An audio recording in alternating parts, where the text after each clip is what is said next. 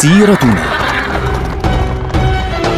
مع الدكتور عبد الله معروف.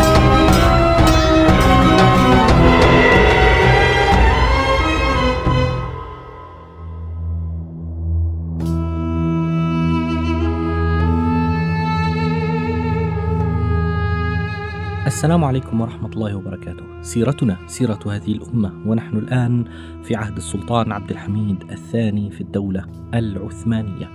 في هذه الحلقة سنتناول آه، قضية خطيرة يعني أثرت على الدولة العثمانية في أواسط عهد السلطان عبد الحميد الثاني وأواخر عهده وما زالت آثارها إلى اليوم موجودة.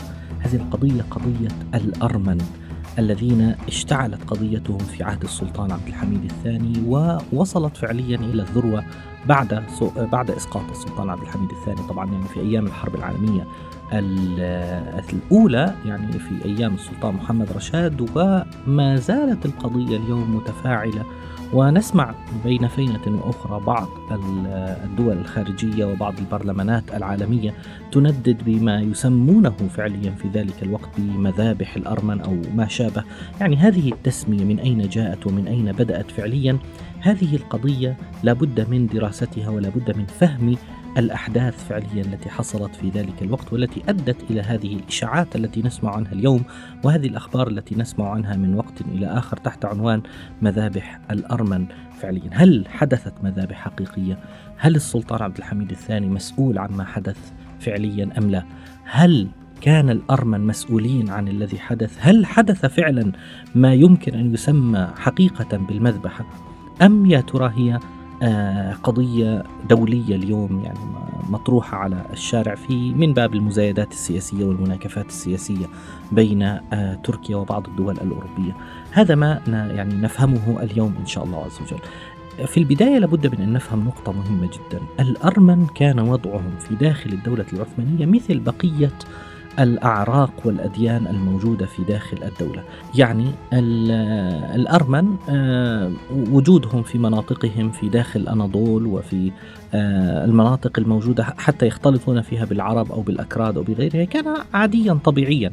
والأرمن منذ زمن طويل جدا يعني في أيام المغول الأرمن عانوا من الاضطهاد المغولي الذي كان في أيام المغول الأوائل وحتى في أيام آه، تيمور لانج وغيره وهاجر عدد في أيام في أيام تيمور لانج هاجر عدد باتجاه المناطق التي كان يسيطر عليها العثمانيون في بدايات الدولة العثمانية فعليا في ذلك الوقت.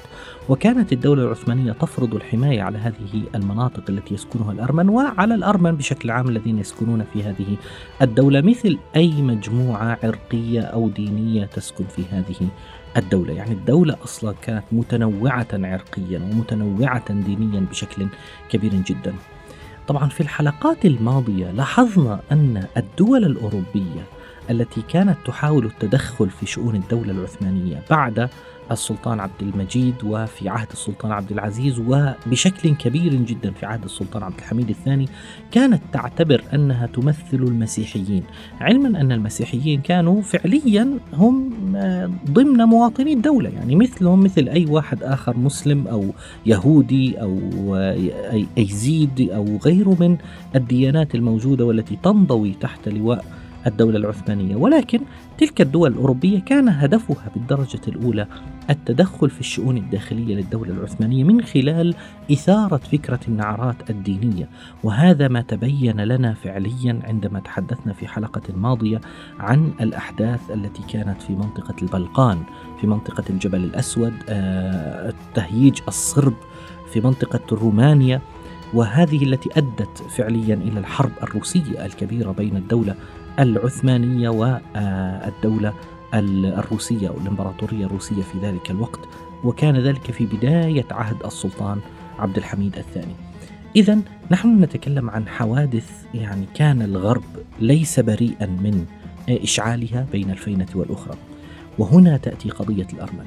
الأرمن كانت الدول الأوروبية فعليا تحاول زرع نزعة الاستقلالية عندهم وتحديدا كانت روسيا ابتداء وتبعتها لاحقا بريطانيا. بريطانيا استعملت الورقة الأرمنية فعليا. في ذلك الوقت في وجه الدولة العثمانية علما أنها كانت ترى أن الأرمن يمكن الاستفادة منهم علما أنهم أقرب إلى الروس من حيث التواصل ومن حيث الارتباط في آه، المنهج طبعا المنهج السياسي أقصد في ذلك الوقت لأن روسيا كانت تعتبر أن الأرمن من بعض رعاياها علما أن الأرمن ليسوا روسا أصلا ليسوا من الروس وروسيا آه، أرثوذكسية والأرمن فيهم أرثوذكس وفيهم كاثوليك أصلا يعني فيهم هذه الطائفة وفيهم تلك الطائفة.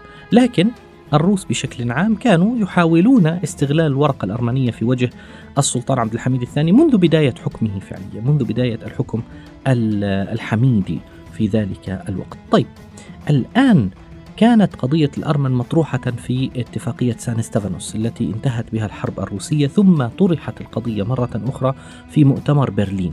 في مؤتمر برلين ذكرناه في حلقة ماضية الذي يعني جاء بعد انتهاء الحرب الروسية العثمانية. كان هذا المؤتمر في إحدى مواده ينص على ضرورة أن تعطى المناطق التي يسكن فيها الأرمن الاهتمام الكافي من الدولة العثمانية. طبعا لاحظ السلطان عبد الحميد الثاني كان يرفض هذه الفكرة أساسا باعتبار أنهم مواطنون مثل مثل غيرهم لكن هذا الكلام كان التركيز فيه على الأرمن بالدرجة الأولى هدفه إثارة النزعة القومية عندهم وإثارتهم ناحية طلب الاستقلال وهو ما حدث بالفعل. بدأت هناك أصوات آه، تتصاعد عند الأرمن في بدايات عهد السلطان عبد الحميد الثاني على فكرة تطالب بالاستقلال. لماذا نالت آه، اليونان استقلالها؟ لماذا الآن تنال رومانيا استقلالها؟ لماذا ينال الصرب مثلا استقلالهم؟ نريد أن ننال أيضا استقلالا ونريد أن تكون لنا دولة أرمنية. ذات طابع آه، عرقي أرمني خالص. هذه الفكرة زرعها في البداية الروس من خلال دعمهم طبعا للصرب وللرومان في منطقة آه، أوروبا وأيضا زرعوها في قلب الأناضول عند الأرمن وبالتالي هذه المطالبات كانت أخطر على السلطان عبد الحميد الثاني من المطالبات الأخرى لماذا؟ لأننا عندما نتكلم هنا عن الأرمن فنحن نتكلم عن المنطقة التي يعني تعد في قلب الأناضول. يعني الأرمن كانت أين المناطق التي كانوا يسكنونها؟ كانوا يسكنون في منطقة فان إلى جوار الأكراد. آه، فان طبعا في شرقي الأناضول. كانوا يسكنون في ديار بكر كانوا يسكنون في ساسون. يعني كانوا يسكنون في سامسون وبالتالي هم يسكنون في المناطق ال التي يختلط فيها الأرمن مع الأكراد المسلمين السنة. إضافة إلى بعض العرب الذين كانوا يسكنون في هذه المناطق فهم يسكنون في مناطق أصلا أصلا مكتظة بكثافة كبيرة جدا من الأعراق.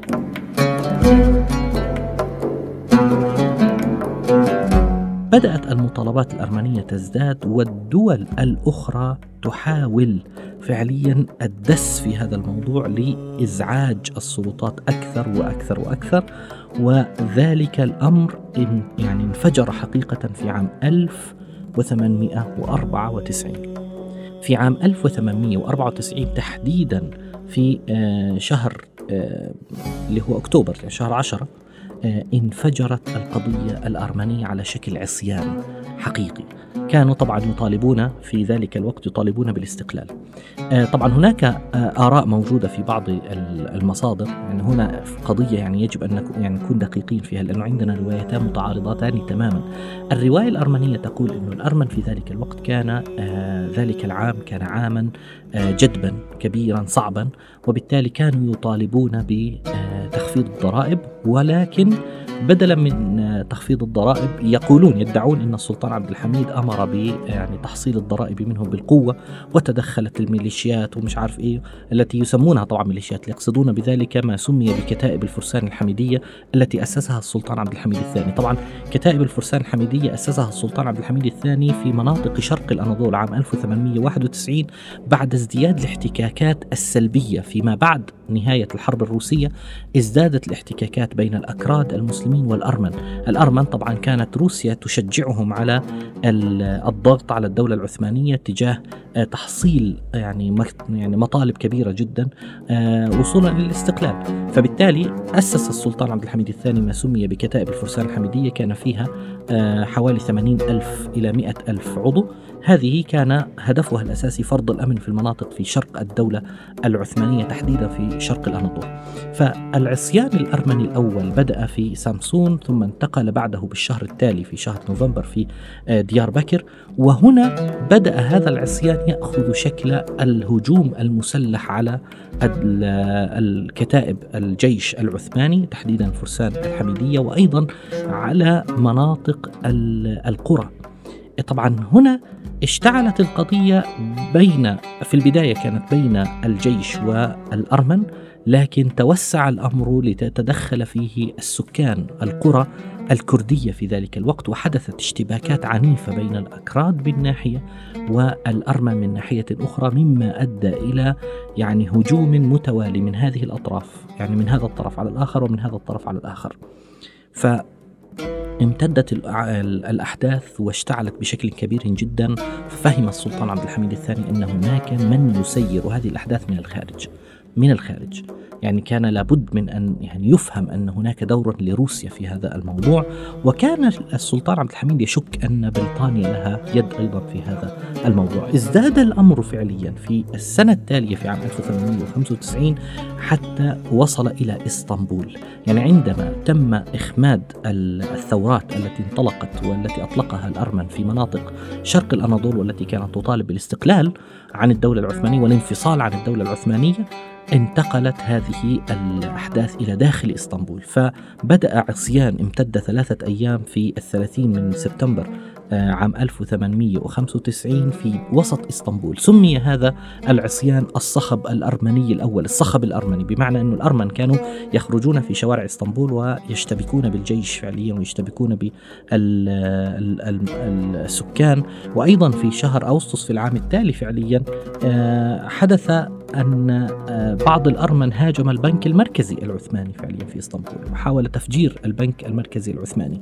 طبعا هذا الأمر كان آه، السلطان عبد الحميد الثاني كانت الصحف الأوروبية تكتب عنه كلاما يعني مسيئا له يعني تدعي أنه هو المسؤول عن ارتكاب مجازر وكانت تدعي أن هناك مجازر وغيره. فالسلطان عبد الحميد ماذا كان يفعل؟ كان يلتقي بالسفراء ويحضرهم إلى القصر ويلتقي بهم ويحدثهم فعليا عن أن هذه الكلمات وهذا الموضوعات كلام غير صحيح بدليل أنه حتى ذلك الوقت كان المسؤول عن خزينة السلطان عبد الحميد الثاني الشخصية يعني أمواله الشخصية كان مسؤول عنها أرمني. وأيضا منذ زمن السلطان عبد المجيد كان المسؤول عن توريد البارود وعن صناعة البارود للجيش العثماني رجل أرمني وكانت تجار الأرمن أصلا أقوياء. ولكن الفكرة أن الغرب كان في ذلك الوقت يركز على الجانب السلبي أن هناك اشتباكات. لا يركز على النقطة التي ترتبط ب هجوم بعض الأرمن على مصالح الأكراد والأتراك والعرب في مناطق المختلطة وإنما يركز على الردود التي ردود الفعل اللي هي الشعبية أو محاولات فرض النظام من السلطات في ذلك الوقت والتي أدت في بعض الأحيان إلى يعني آه، مشاكل كبيرة جدا وإلى وقوع ضحايا كثر بين القرويين بين الفلاحين من الطرفين. فكانوا يركزون على ذلك وكانوا يدعمون فعليا مسألة انفصال الأرمن على اعتبار أن انفصال الأرمن كان آه، يعتبر حقيقة بالنسبة لهم يعني مطالبة مشروعة. طبعا لك الآن أن تحكم. أنت وجهة النظر هنا الاختلاف الأساسي.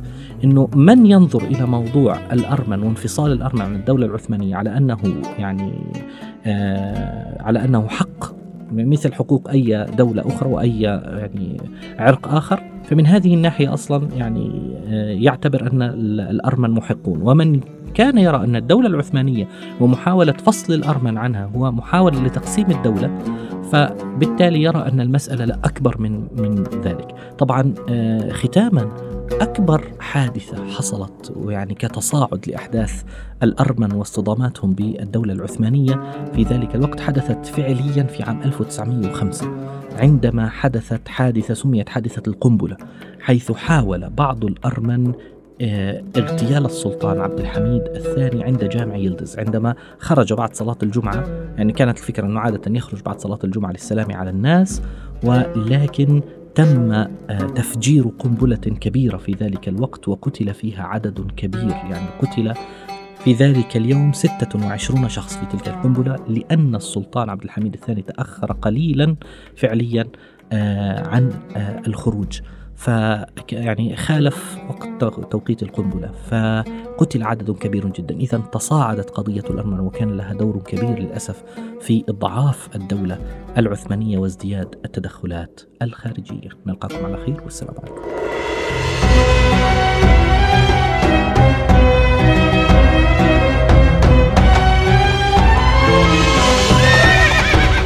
سيرتنا. مع الدكتور عبد الله معروف.